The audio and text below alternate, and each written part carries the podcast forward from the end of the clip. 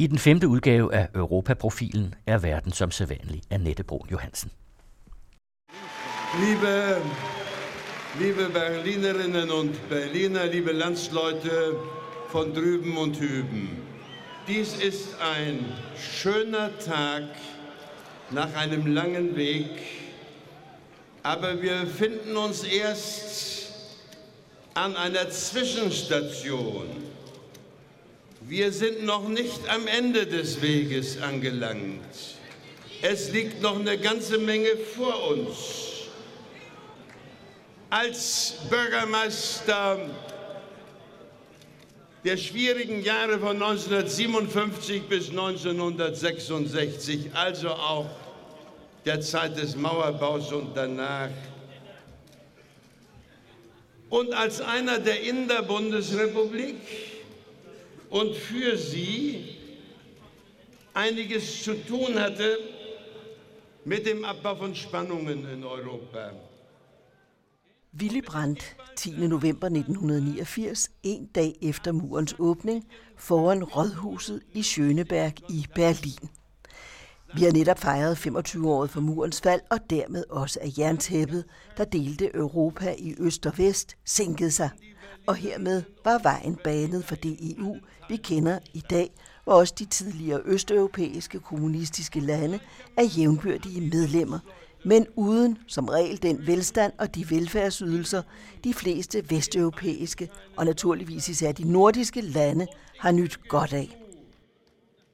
Es wird jetzt viel davon abhängen, ob wir uns, wir Deutschen, hüben und drüben, der geschichtlichen Situation gewachsen erweisen.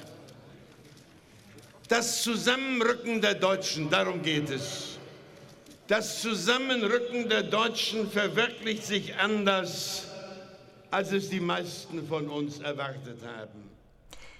Velkommen til Europaprofilen, den anden radios Europa-aktuelle programserie. Udsendelserne bliver produceret med støtte fra Europanævnet og 3F. Mit navn er Annette Brun Johansen.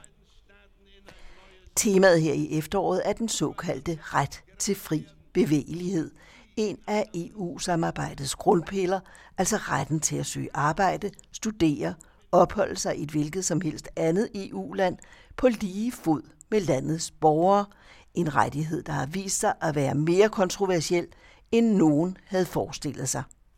Måske havde ingen tænkt på, at det nok især var fattige østeuropæere, der ville flytte sig mod bedre vilkår, højere lønnet arbejde eller arbejde i det hele taget. Altså for mig har det jo, det nordiska samarbejde har jo betytt mig. Jeg tror jeg er den, den som har personligt haft øh, størst störst gavn av nordiskt samarbete. Jag har bott och arbetat i Sverige, jag har varit gift med en svensk. Jag har bott och arbetat i Danmark, jag har varit gift med en dansk. Jag har ett norskt personnummer. Jag tror jag har fyra olika personnummer i Norden. Så, så man kan säga att det nordiska samarbetet är annorlunda för vi har tillit till hinanden. Men, men den tillit kan man också bygga på europeiskt plan. Och det är det jag tror att man ska arbeta för att att man ska inte skapa de där skiljelinjerna, man ska nettopp skapa den tillit till Östeuropa, till Ukraina, till Ryssland, så att, att man kan komma vidare. Och jag har ju varit majkritisk, jag var ju anti-EU i sin tid i Finland när vi stämde om, om eh, Finlands intåg in i EU. Och jag har ändrat hållning sedan dess av två grunder. Det ena var att jag administrerade en gränsregion till Ryssland i, i Finland, eh, Lina, när Finland blev medlem och kunde se liksom hvordan en utkantsområde i Finland hade kläder av den internationalisering som kom. De unga reste väck och man kom väck från ett lucket rum till en, en öppen Europa. Och det annat var när jag blev direktör för Köpenhamns freds och konfliktforskningsinstitut, hvor de forskare där var eh, där eh, överbeviste mig om att eh, det att Europa hade haft fred i så lång tid, det var faktiskt på grund av unionen. Om lidt taler jeg med Tarja Kronberg, der indtil valget til Europaparlamentet her i foråret sad som finsk parlamentsmedlem for de grønne. Hun er tidligere arbejdsminister og har i øvrigt også været direktør for det Københavnske Freds- og Konfliktforskningsinstitut. Nu er hun bosat i Danmark. Og så skal vi en tur til London med journalist og politisk kommentator Ove Weiss. Flere end en million polske immigranter bor i dag i Storbritannien. På polsk i London hedder Ove Weisses reportage. Men først til Tarja Kronberg. Havde man ikke forestillet sig, at det især var fattige østeuropæere, der ville flytte sig efter arbejde og bedre vilkår. Hvis vi tænker på verden, vi har kun en klud, og vi skal pröva att leva här allesammans. Jag syns det nordiska samarbetet är ett gott exempel på hur du har med fri bevägelighet har du skapat en fälles arbetsmarknad, du har skapat fälles tillit, du har minskat risken för konflikter. och i och med att jag ser i stort sett med de här säkerhetsbriller på världen så syns jag att det att man öppnade muren var liksom en, en tegn på att, att nu var eh, skiljelinjerna i Europa, de var liksom brutt ned. Och att man kunde öppna upp för en, ett fällesskap och en integration. Men det er ikke helt sket på den måde, vi havde forestillet os. Nej, men vi har sett att eh, Östeuropa, eh, Östeuropa är blivit medlem av EU. Vi är med i ett fällesskap hvor, hvor de länder är med. Och det är selvfølgelig problemer. Jag vet gott att innanför eh, Europa, selv i Europaparlamentet så är det en, en forskel mellan de nya och de gamla länderna och vi har någon kulturella forskel som är viktiga. Men jag syns att den här kommunikation och dialog och fri beväglighet, att det skapar liksom betingelserna på längre sikt, att det inte är konflikter. Hvordan har man i parlamentet, hvor du jo har siddet indtil i foråret, øh, hvordan har man diskuteret den rettighed? Fordi den har jo vist sig at være en af de mere kontroversielle øh, rettigheder i EU-samarbejdet.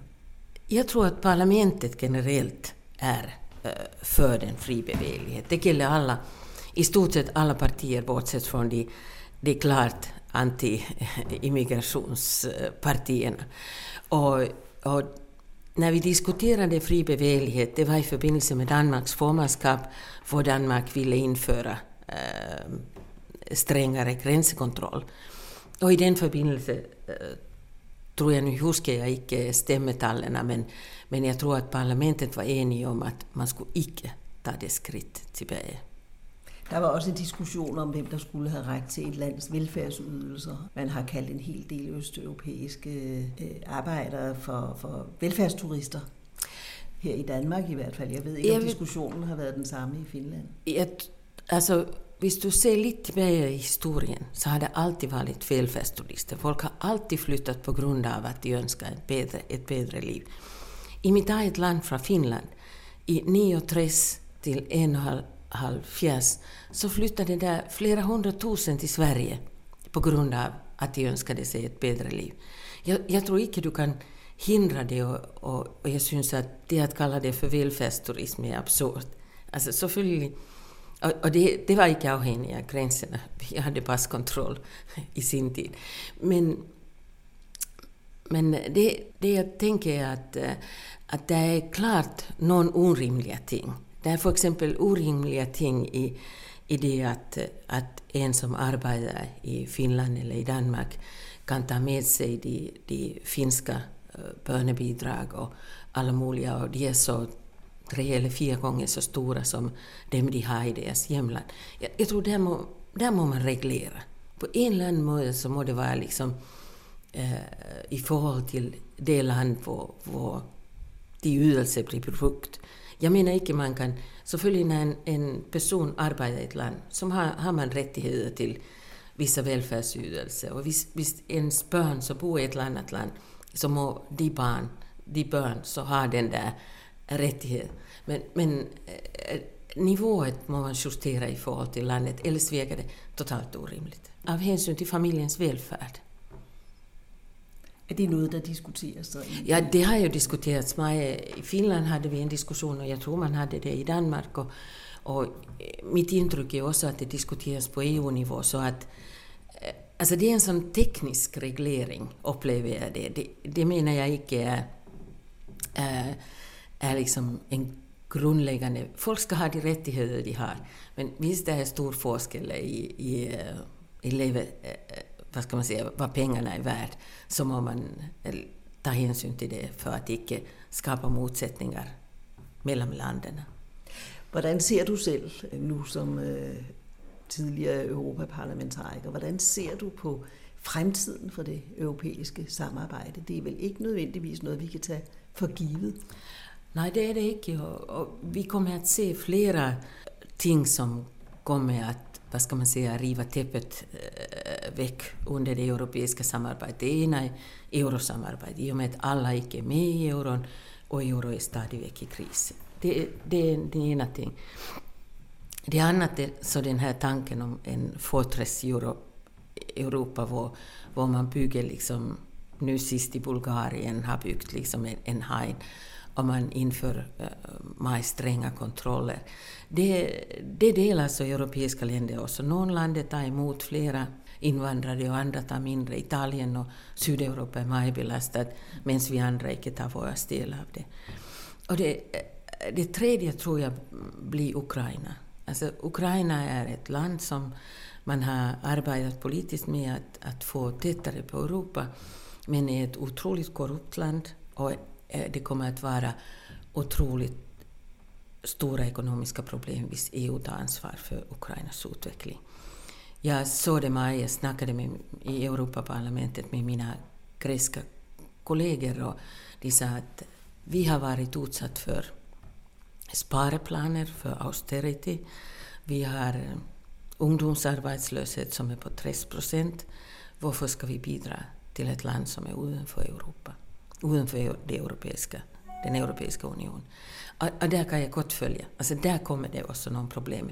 Så det är många ting de, som kommer att, øh, vad ska man säga, ödelägga øh, något av det som vi har, øh, vi har vunnit.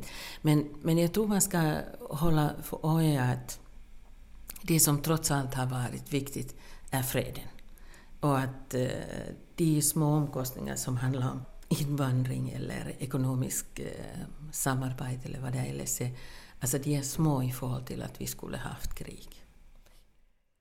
Du hørte Taja Kronberg. Flere end en million polske immigranter bor i dag i Storbritannien. De er kommet i tre bølger. Den første under 2. verdenskrig, efter at Hitler i 1939 var trængt ind i Polen.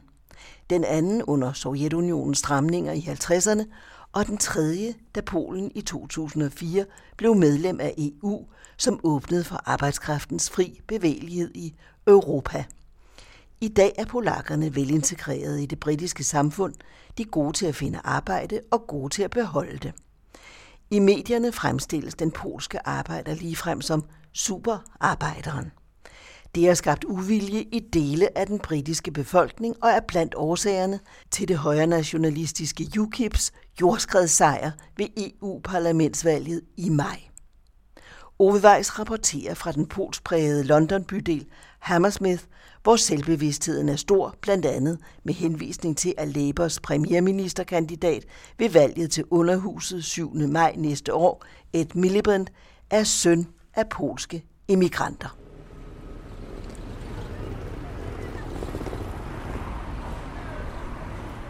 Når man kommer ud fra undergrundsstationen i London, forstaden Hammersmith ved Thamesens nordlige bred, og går ned ad King Street mod det polske kulturcenter længere ude, bølger den krydrede duft af kåldolm og surex-suppe, og kartoffelpandekager ud fra de polske spisesteder og delikatesseforretninger langs gaden. På den anden side fortorvet står busstandere med køreplanerne skrevet på engelsk og på polsk.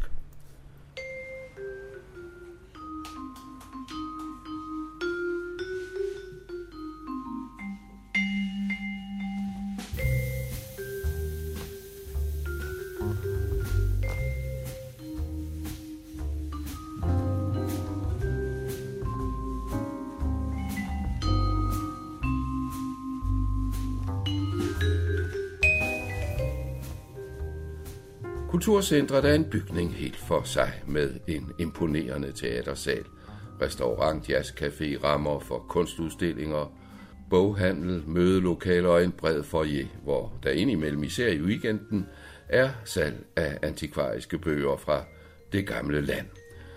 For sproget holdes vi lige her i den polskprægede bydel ikke mindst i Kulturhusets omfattende bibliotek, hvor tidsskrifthylderne i læsehjørnen giver et godt indtryk af de polske tilflytteres og efterkommers hverdag i det britiske samfund. En lang række polsprogede magasinblade, flere i international grafisk udformning, med engelsk vejledning i undertitlerne, for eksempel Panorama Polish Weekly Magazine, Gonic The Polish Times, Kultura Polish Weekly Magazine, The Polish Britain og New Time. Er en ugenlig ration ikke nok for læsehestene, så ligger der i parallelgaden på den anden side af parken, her bag bygningen et bladhus, som udgiver det eneste polsksprogede dagblad i verden uden for Polen. Janik Polski med den engelske undertitel The Police Daily and Soldiers Daily. Det sidste Soldaternes Dagblad er særlig interessant for både den frie og ufrie rejse fra Polen til Storbritannien er sket i tre bølger. Med Hitlers indmars i Polen i 1939 og gennem 2. verdenskrig søgte mange polakker, ikke mindst jøder, tilflugt i Storbritannien. Det begyndte med de frie polske styrker, som sammen med den polske eksilregering slog sig ned her i London, og efterhånden indgik et ganske stort antal polske frivillige i de britiske væbnede styrker. Derfor er Soldiers Daily tilføjet titlen på avisen, som i dag har godt 10.000 abonnenter. Den anden bølge kom under Sovjetunionens strammere greb om Østlandene gennem 50'erne, især efter opstanden i Ungarn i 1956, og tredje bølge fulgte med Polens medlemskab af EU i 2004, som åbnede for arbejdskraftens fri bevægelighed i Europa.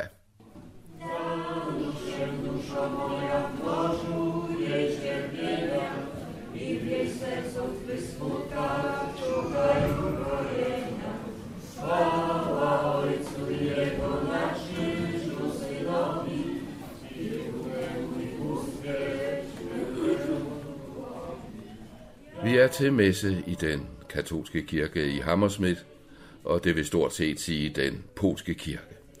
Det ses på de polske navne på gravstenene rundt om kirken og høres indenfor, hvor præstens ord er polske, og hvor det er tydeligt, at kirken også er et socialt samlingssted for familierne, ikke mindst mange børnefamilier. Der bliver krammet og kysset på kind. Gensynsglæden er stor, det siges, at menigheden kommer fra alle dele af London. Andre polske kirker er spredt rundt om i Storbritannien, hvor der bor omkring en million polakker og efterkommere af polske indvandrere. Ifølge flere undersøgelser er de gode til både at skaffe sig arbejde og beholde det. Cirka halvdelen er faglærte eller ufaglærte arbejdere, men mange af dem er beskæftiget under deres uddannelsesniveau. For eksempel har knap 40 procent en længerevarende uddannelse. Også alderen spiller ind her. Blandt de seneste polske immigrantarbejdere er tre fjerdedele under 35 år, og de er gennemgående hurtige til at lære engelsk. Mange arbejdsgiver betragter dem som mere effektive end den lokale arbejdskraft, og derfor har procentvis flere engelske arbejdere end polske mistet jobbet under finanskrisen.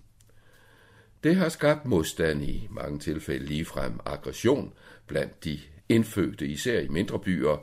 Det irriterer også mange englænder, at pressen hyppigt skriver om alt det, som polakkerne bidrager med til den britiske økonomi, og at den polske arbejder i medierne fremstår som nærmest en superarbejder.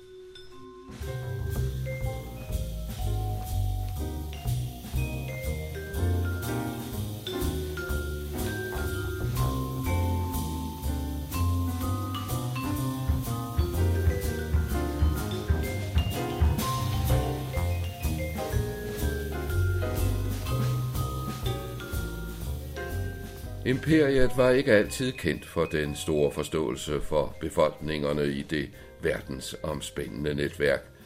Men i hjemlandet med Trafalgar Square og Piccadilly som navlen har britterne tradition for tolerance over for fremmede, måske netop på grund af generationers internationale relationer med indblik i andre landes kultur og levevis. Selvfølgelig har der været undtagelser. Oswald Mosley og hans sortskjorters jødemars mod Londons East End i 30'erne, men den havde ingen klangbund i befolkningen, trods ihærdig støtte fra blandt andet tabloiden Daily Mirror. De fleste jøder er i mellemtiden rykket fra East End nordpå i byen, ikke mindst til bydelen Golders Green, hvor hovedstrøget i dag er præget af ortodoxe jøder med slangekrøller under de sorte hatte. Ind i jødernes gamle kvarterer i East End er rykket mange indvandrere fra oversøiske lande, i modsætning til polakkernes Hammersmith, et broget og eksotisk bybillede, som mange londonere bruger til daglige indkøb og meget andet. Til trods for, at netop Daily Mirror har taget tråden op fra 30'erne og igen forsøgt at mistænkeliggøre de fremmede, er det ikke lykkedes sådan helt og holdent, bortset fra uviljen mod mindre grupper af religiøse fanatikere. Tværtimod taler mange londonere om, at byen og hele landet ville gå i stå, hvis man ikke havde den fremmede arbejdskraft, som altså ikke længere er så fremmed endda. Sandheden kan man overbevise sig om både i den kollektive trafik og i Londons berømte taxaer.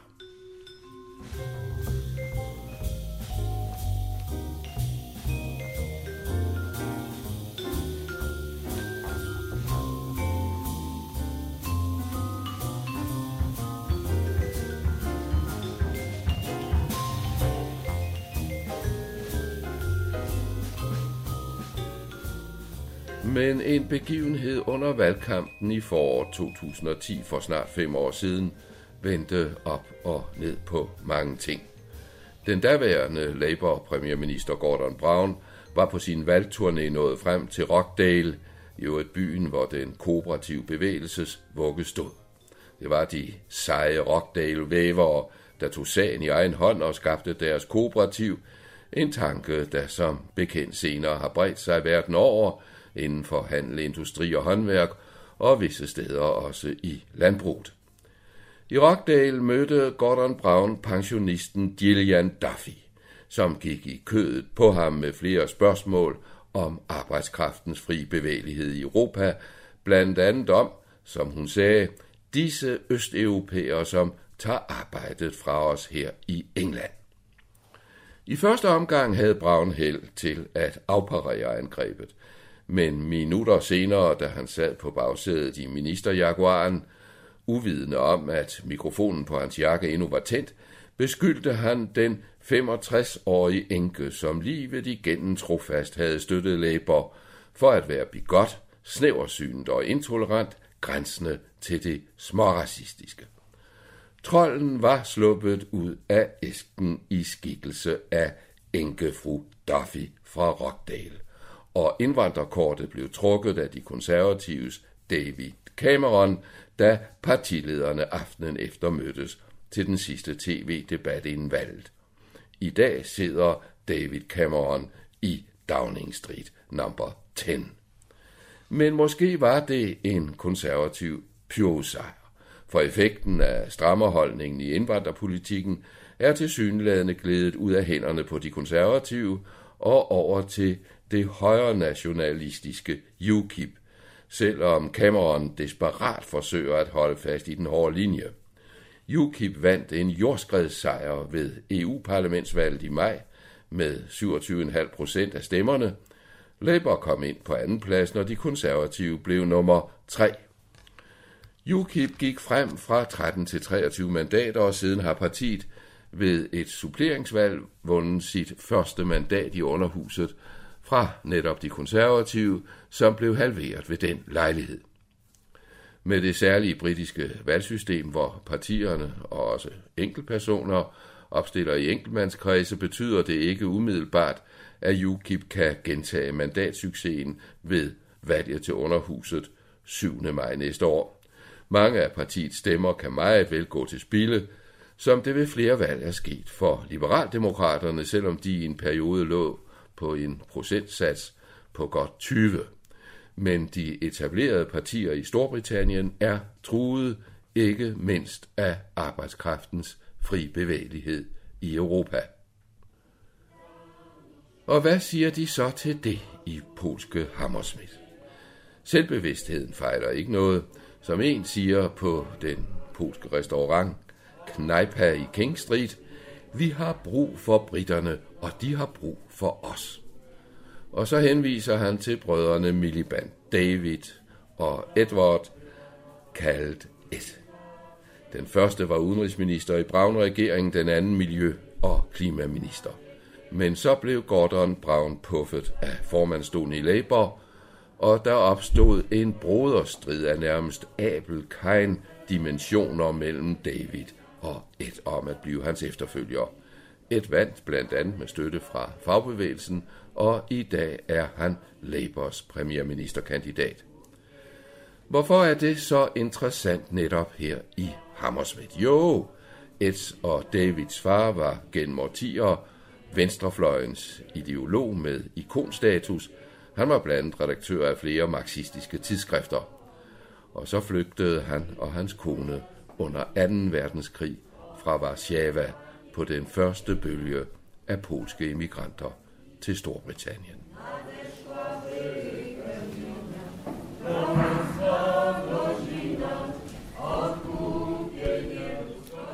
Ove Weiss rapporterede fra den polsprægede London-bydel Hammersmith.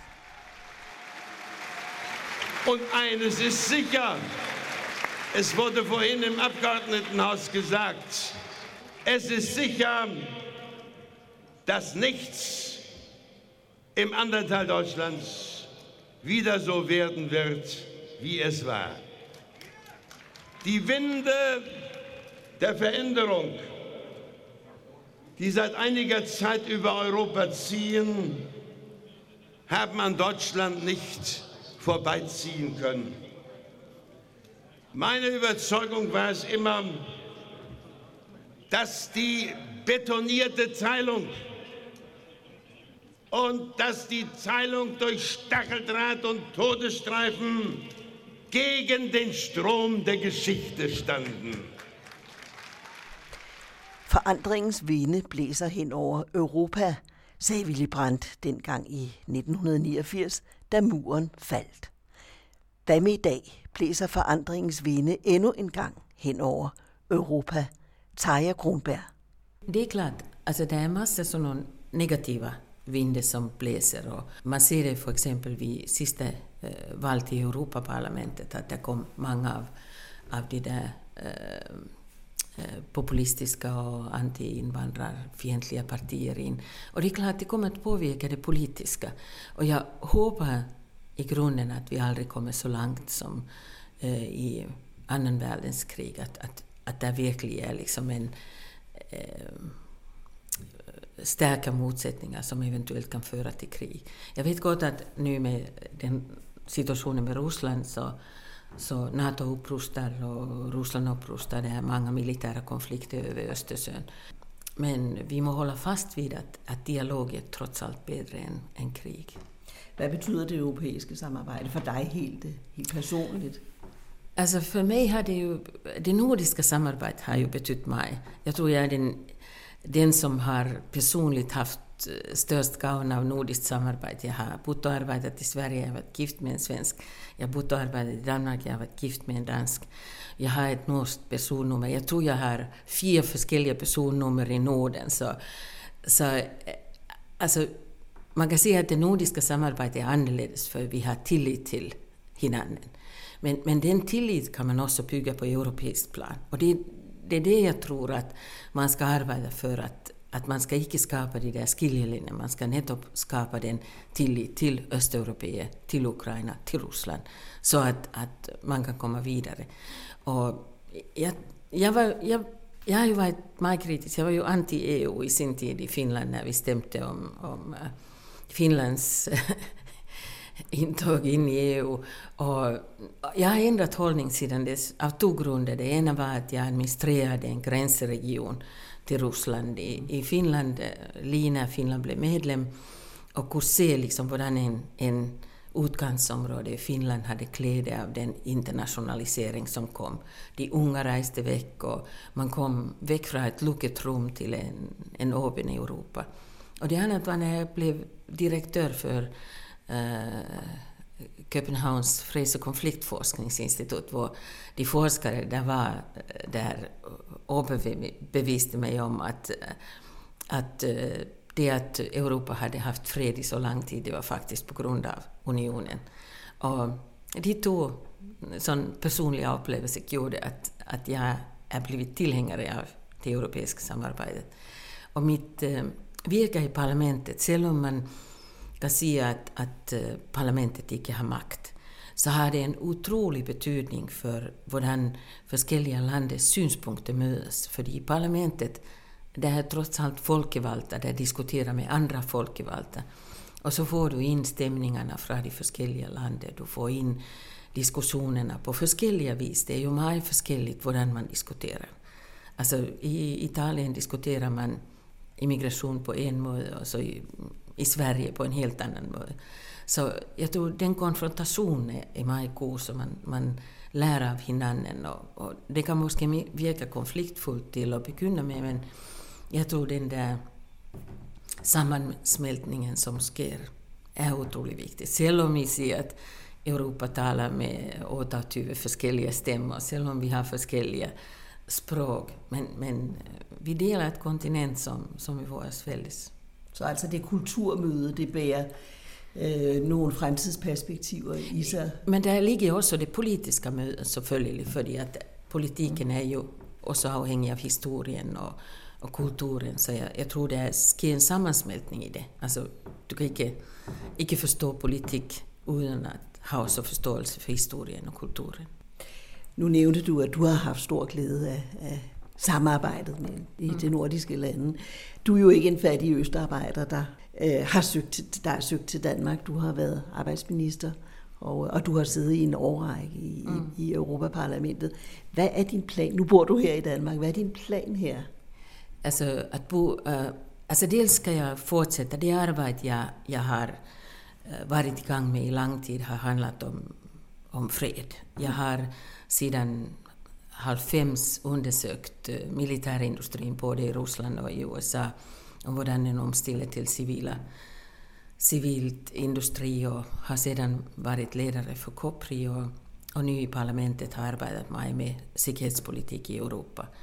Och speciellt innanför eh, atomvapen, så nedrustning. Så det fortsätter jag med. Och, och jag har alltså kontakt med den finska utrikesministeriet och ska leva någonting för den där kommande icke-spridningsavtalens konferens i, i New York i maj.